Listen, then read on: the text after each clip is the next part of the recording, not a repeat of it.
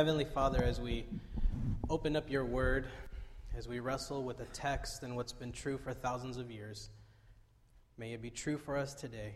May we have clarity and understanding. May the words of my mouth and the meditations of my heart be acceptable to you, O Lord. In the name of Jesus we pray. Amen. If you had to describe yourself in one or two words, my question is what would that word be? Apparently, if I had to describe myself, I would be a little man, according to Lou. I'm talking about our pastor.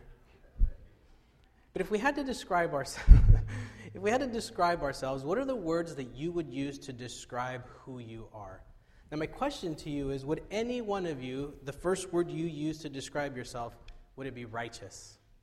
I know in the long list of things that I would use to describe myself, probably righteous wouldn't be one of those words. That would be on like the second sheet of paper of all the long lists that I would be making, and there would be and there would be an asterisk next to it, or in, or in um, parentheses, only by God's grace, if He chooses on my best day. right? Because righteous isn't something that we feel like we are. Even on our best days, righteous isn't something we would use to classify ourselves. And if you're anything like me, even on a day when you think you're doing really well in terms of like not sinning and, and just being a good overall guy, instead of making it making you feel better about yourself, what do you actually do? You actually realize how short you've fallen of the glory and the grace of God. But there's good news for us. And the good news is that the Bible does tell us that you can describe yourself as being righteous. Not in some horrible way, right? Because right now, if, if somebody says, Oh, you're so righteous, that's usually not a compliment. Usually, if somebody calls you righteous, it's almost kind of tongue in cheek and they're almost um, insulting you. Because if someone describes you as righteous, what they're really saying is, oh, you think you are so righteous. You think you are so much better than everyone else. But the Bible tells us that the word righteous is actually something that is honorable and it's beautiful and it's good. And it's a word that you can actually use to describe yourself because what righteousness requires is faith. Now, if you're, if you're a guest of ours and if this is your first time here with us, we've we started eight weeks ago a sermon series through the book of Romans. And as many of you know, we're on week number eight and we're only in chapter five. It's a long book. But we believe that when we read the scriptures, it's important for us to kind of go from the beginning of a book to the end of a book because it gives us this overarching view of what the author is trying to say. And so we've been going for the last eight weeks, and what have we been talking about for the last eight weeks? Salvation, grace, and faith. And this morning, we're going to focus a little bit more on what faith is and what that looks like. So, Romans chapter 5, verse 3. And this is what it says For what does the scripture say? Abraham believed God, and it was reckoned to him as righteousness. Abraham, the father of all nations, the father of all people, believed God, and it was reckoned to him as righteousness. Faith was reckoned to Abraham as righteous. We skipped a couple verses. How then was it reckoned to him? So instantly it makes a point that the thing that makes Abraham righteous is that he had faith in God. Now, for many of us, it's like, oh, that's easy. I can, anyone can have faith in God. But is it really that easy? Have any of you, when you've been praying, have you ever had the thought, what if no one is there to listen? Or maybe you've been praying the same prayer day after day, week after week, month after month, and nothing is happening and nothing is changing. Have you ever had the thought, is anyone really listening? Is God even there? If I'm honest with you as a pastor, sometimes it's hard for me to pray. Not, not, it's not hard to pray, because I know how to pray, I know words to use, right? I, I can do that. I've been doing that my whole life. But sometimes when things are rough, there's that little bit of doubt that creeps in, like, if you're there. If. Because it's not always easy to pray to someone you can't see. I've never heard the voice of God, and I've never actually seen God face to face. And sometimes it's difficult. You see, faith isn't as easy as we think it is or as we make it sound. Faith requires that we believe not just with our mind. Faith isn't just about having theology straight in our heads, but it's about believing with our hearts, with our souls, with the thing that makes us who we are, our spirit, with our entire being. Faith requires that every part of us believe in God and that God is there. And Abraham had this kind of faith. Abraham put his trust and his faith and his belief in the God that he could not see. The promise that he, Abraham, would inherit the world did not come to Abraham or his descendants through the law, but through the righteousness of faith. Because before the Bible was even written, before the first five books, which is the law, was written, Abraham was alive. Moses, hundreds of years later, would write about Abraham, who came way before Moses. Before there was any kind of law, before there was anything, God came to Abraham in some way and somehow, and he promised Abraham that him and his offspring would inherit the entire world. Abraham and his descendants did, did not come through the law, but through the righteousness of faith. Now, this is important because in a few moments you're going to see why this makes a difference and why this matters. For this reason, it depends on faith, in order that the promise that he would inherit the land may rest on grace and be guaranteed to all his descendants. Before there was law, before there was a Bible, before there was anything that we know of as the Holy Scriptures, there was a man named Abraham. And God somehow comes to Abraham and he says, Abraham, I am going to give you the whole land. Everything will be yours. Your offspring and your descendants will be innumerable. Except that there was one problem Abraham had no children. You can't have hundreds and millions and billions of descendants if you don't even have one son. So let's go back to the first book of the Bible and let's look at how this plays out, and then we'll come back to the, to the book of Romans. So, the story where Abraham makes his first appearance in the Bible is in Genesis chapter 12. And this is what it says Now the Lord said to Abram, so before his name was Abraham, his name was Abram. I won't get into the reason why it was changed, but that's the same guy, Abram. And God says, Go from your country and your kindred, that's like your kind folk, your people, your nationality, your family, and from your father's house to the land that I will show you. And I will make you a great nation, and I will bless you, and I will make your name great, so that you will be a blessing. So God comes to Abraham and he says, Go from this place, from everything that you know, from the safety and the security of your father's home, from the safety and the security of the people that are just like you, from all of the safety that you have, I am asking you to go to a land that I am going to give to you. And I will bless those who bless you and curse those who curse you, and in all the families of the earth, and, and in you, all the families of the earth shall be blessed. And the Bible tells us Abram, Abram, Abram went as the Lord told him. And I don't know about you, but I wouldn't feel comfortable leaving the city of Orange or the Orange Seventh day Adventist Church and going to another state or another country where I don't not only don't know anyone, but where I have no guarantee of a job. That to me sounds ridiculously difficult. And I think for most of us, the thought of leaving everything we know, the security that we have, it seems almost impossible for us to go from what we know to something that is completely unknown. And yet, what the Bible tells us is that when God comes to Abraham, he says, Leave this place because I have something that is going to be bigger and better than you can ever have imagined.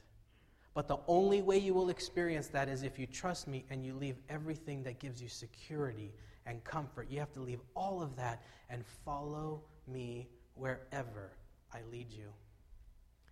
You see, so when Romans is written thousands of years later, when Paul is writing about Abraham, he is writing about the guy who gave up everything, believing the Lord that he would provide for him wherever he went.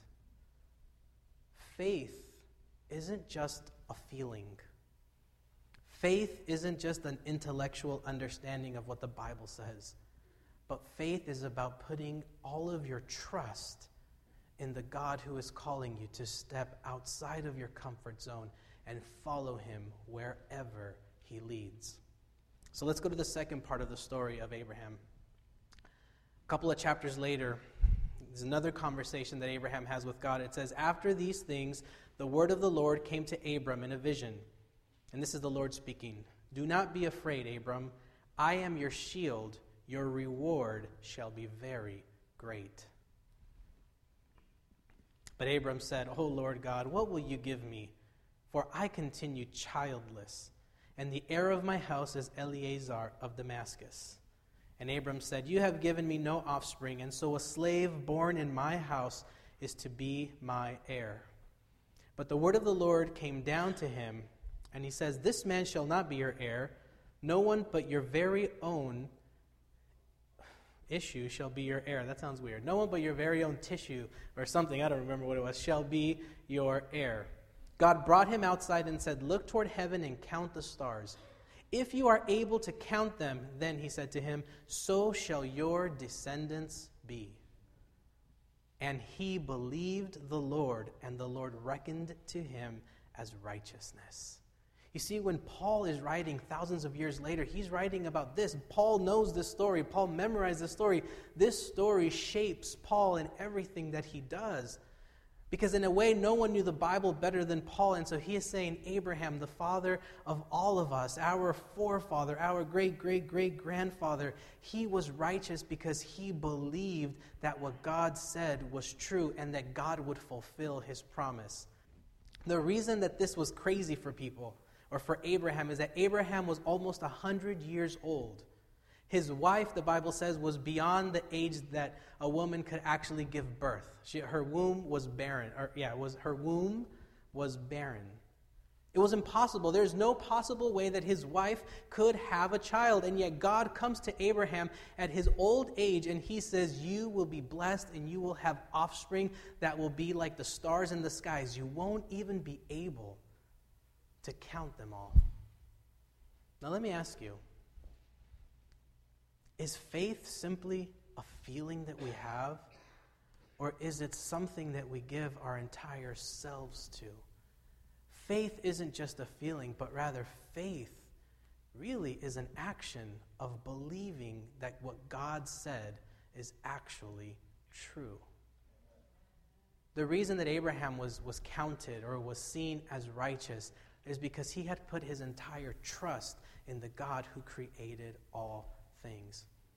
And what we find in this story of Abraham is that faith requires obedience. Faith requires radical obedience. You don't get to just say, Oh, I have faith in this God and everything is great, and then go on and do whatever you want.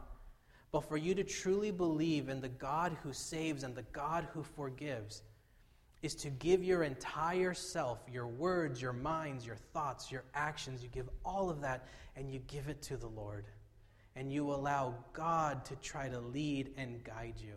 Now, the problem, as we'll find in a couple of chapters, is that that's a lot easier said than done.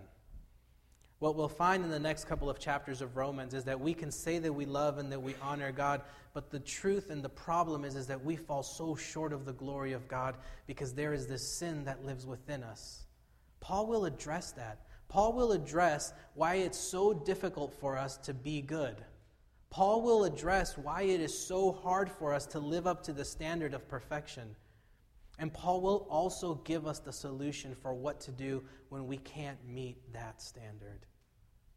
But for today in Romans chapter 4, what Paul is saying, he says, Look, trust in the Lord. Trust in the Lord Believe in the Lord, and that will be counted as righteousness. Now, the reason that this is important, okay, this is, the, and this is hard for us to understand in the 21st century because we have the whole Bible. We know how the story begins, we know how the story ends, so it's really hard for us to grasp this. So, let me try to do my best to have this modern day equivalent. How many of you have heard of the Ebola virus? Yeah, we've all, you know, we've all heard of it. Most of us saw the movie back in the early 90s. Was it Outbreak? I remember watching that and being afraid for like days. Some of you are like, what movie is that? It's probably on Netflix. Don't watch it because it will make you paranoid, especially now. but yeah, Ebola, right? It, when, when, this, when this film came out years ago, Basically, what happened is that one person was infected, and because that one person was infected, everyone else was infected as well.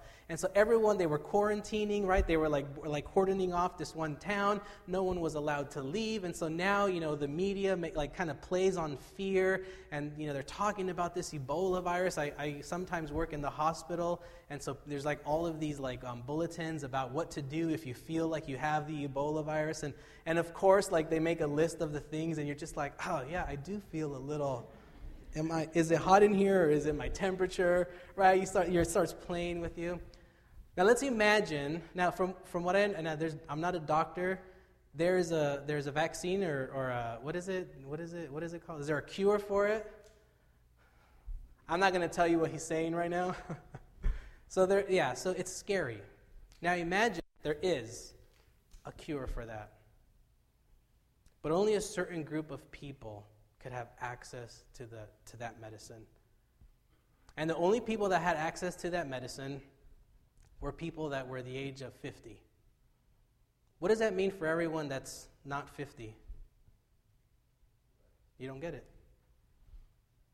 So, in the first century, when Paul is writing, there was a group of people who believed that only they could have salvation.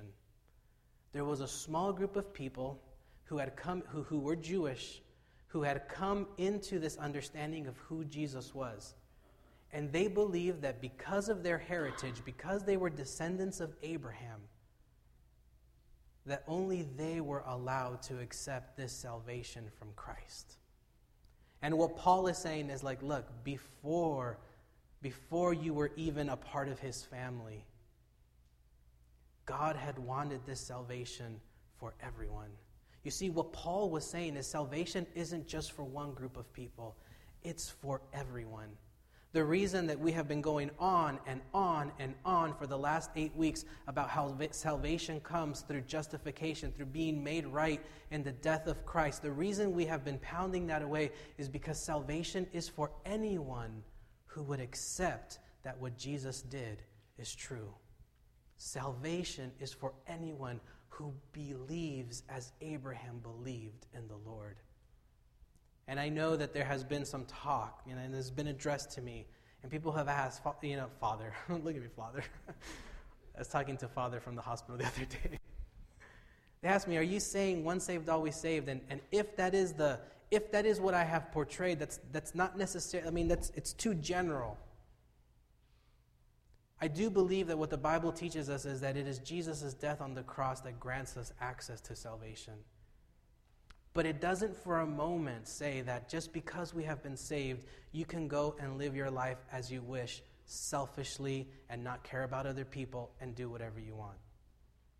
What we're saying is that when, once you have been justified and you have been forgiven and you have been made right in the eyes of God, the past sins, they, your past has been forgiven you. God is allowing you to start new once again. And as you begin to move forward in your faith, the work of God is continually working in you to make you into a better picture of who Uh, or creating the image of God in you so that when people see you, they will see the goodness and the blessing and the, and the beauty of God. No one is ever saying you do what you want. That if, if I have come across that way, and I probably have, that wasn't my intention. But my intention is to preach that forgiveness is for anyone who will accept it. Because Christ gave his life for you. I mean, and, and just to kind of to, to put that into context, Jesus gave up his right to be human. And what I mean by that is when I wake up in the morning, I go out and I do basically what I want for, for the most part. And that's how we get into trouble because we do what we want and we become sinful. Jesus gave up the right to do what he wanted, and instead he lived a life where he was giving honor and glory to God in every moment and every second of every day so that he could live a life without sin, so that when he laid down his life for you, it would count. God gives that to us this morning, and what he wants from us is to accept and believe that that is true. We'll get to the book of James where it talks about Christian behavior and what's expected of us. But we don't even have to get to that because in the next couple of weeks, you're going to see what Paul is calling us to do. But we're going through the book of Romans to kind of show what it looks like to do this, this overarching view of what the scripture is telling us. Because when we do that, it kind of gets cemented into our hearts a little bit better. So let's keep going because the clock back there is wrong and it says it's already like 845.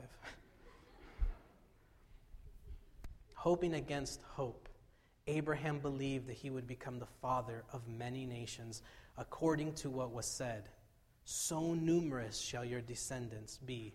That hoping against hope, it's kind of this weird biblical way of saying he hoped even though it sounded ridiculous. He hoped and he believed even though it seemed impossible. And Abraham did not weaken in faith when he considered his own body which was already as good as dead, for he was about a hundred years old, or when he considered the barrenness of Sarah's womb. He says he, does, he did not weaken. You see, he kept his eyes on the God who made the promise. I can guarantee you this that when you take your eyes off of God and you begin to look all around you, you will have all sorts of reasons on why your faith will weaken. If you look at anything but God, you will have all these doubts.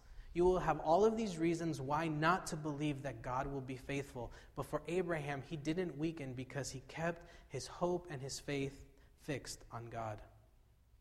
No distrust, which means nothing bad that happened, made him waver concerning the promise of God.